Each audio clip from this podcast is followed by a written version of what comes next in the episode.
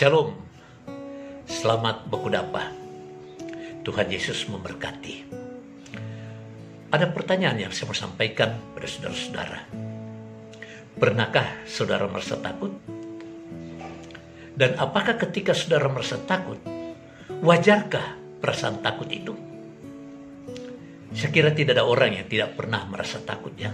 Apalagi bagi mereka yang pernah melakukan kesalahan, pelanggaran, melakukan kekeliruan yang mungkin mengancam rasa harga dirinya yang akan membuat dia rasa malu, rasa kecewa. Pasti perasaan takut itu menghantui dalam kehidupannya. Tapi apakah benar rasa takut itu wajar? Ya mungkin dalam hal biasa-biasa kita mengatakan itu wajar. Tetapi sesungguhnya kalau kita lihat dari Alkitab dalam kejadian pasal 3 ayat 9 dan 10 perasaan takut itu dihantui oleh perasaan bersalah, melanggar ketentuan, melanggar aturan, melanggar ketetapan, melanggar perintah Tuhan.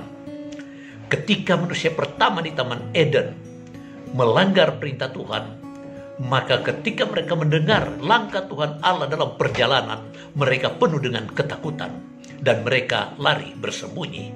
Itu sebabnya perasaan takut itu akibat dari dosa.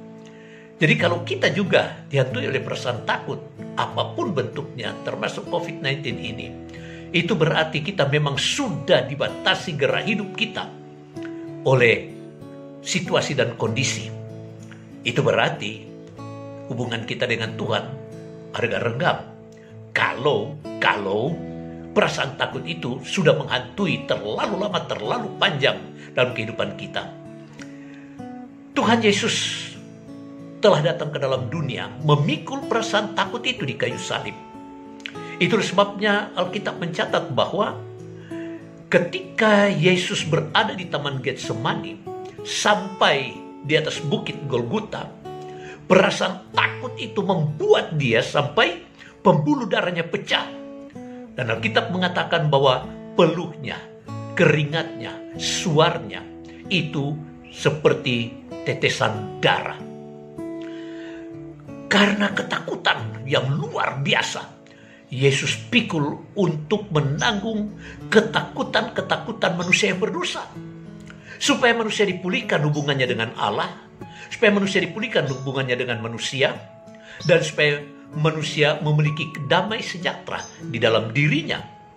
Sehingga hubungan dia dengan Tuhan, hubungan dengan sesama, hubungan dengan lingkungan, hubungan dengan alam, dipulihkan dari perasaan rasa takut. Dalam 1 Yohanes 1 ayat 9, Tuhan memberikan jalan keluar. Bahwa jika kita mengaku segala dosa kita, Allah itu setia dan adil. Ia akan mengampuni segala dosa kita dan mencucikan kita dari segala kejahatan. Dalam ayat yang ketujuh mengatakan, darah Yesus anaknya itu menyucikan kita dari segala dosa. Jadi pemulihan dari dosa akan membuat ketakutan itu menjadi wajar dan pada porsinya. Allah tidak mencabut ketakutan itu dari diri kita, tetapi Allah mengalihkan perasaan takut kepada dosa, perasaan takut kepada iblis, perasaan takut kepada bersalah, itu dialihkan kepada Tuhan. Maka kita bilang takutlah akan Tuhan. Jadi kalau kita kita diajar takut akan Tuhan, itu adalah pengalihan yang Tuhan inginkan supaya setiap orang yang percaya kepadanya jangan dihantui oleh perasaan-perasaan takut yang tak wajar. Perasaan takut yang wajar adalah selalu diukur pada standar firman Tuhan. Yaitu takut bikin dosa, takut bikin salah, takut putus hubungan dengan Tuhan, takut putus hubungan harmoni dengan sesama. Dan supaya kita dapat membangun satu hubungan yang manis dengan Tuhan, dengan sesama, kita selalu ada pengakuan yang tulus di hadapan Tuhan. Bahkan kalau kita juga bersalah kepada sesama, kita perlu mengaku dan minta maaf kepadanya supaya pemulihan kembali terjalin. Karena Allah menghendaki damai sejahtera. Karena kerajaan Allah itu terdiri dari hal kebenaran, damai sejahtera, sukacita dalam roh kudus. Dan roh kudus datang untuk memulihkan sukacita itu. Supaya kita dipindahkan dari perasaan takut yang tidak wajar kepada perasaan takut yang wajar.